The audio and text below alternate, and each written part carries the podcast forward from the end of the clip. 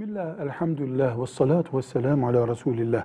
Üreme sorunu olan yani evlenince çocuğu olma ihtimali bozuk olan ya da olmayan erkek veya kadının evlenmesi caiz midir? Cevap olarak net bir kural koyuyoruz.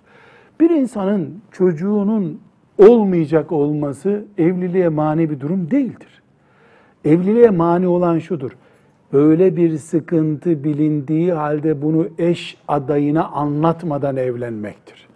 Dolayısıyla bir Müslüman tahlil sonucu geçirdiği hastalıktan dolayı veya bir sebeple doktorunun uyarmasıyla çocuğu olmayacağı anlaşıldıysa o hiçbir sakıncası olmadan evlenebilir. Evlenince bir sorun oluşturmaz. Yeter ki bunu nişandan önce, sözleşmeden ve en azından nikahtan önce benim böyle bir sorunum var, haberiniz olsun diye açıklamış olsun. Bir aldatma olmadıkça bir sorun yok. Hatta çocuk doğarsa hasta doğabilir ihtimaliyle de bile olsa evlilikte bir sıkıntı yok. Velhamdülillahi Rabbil Alemin.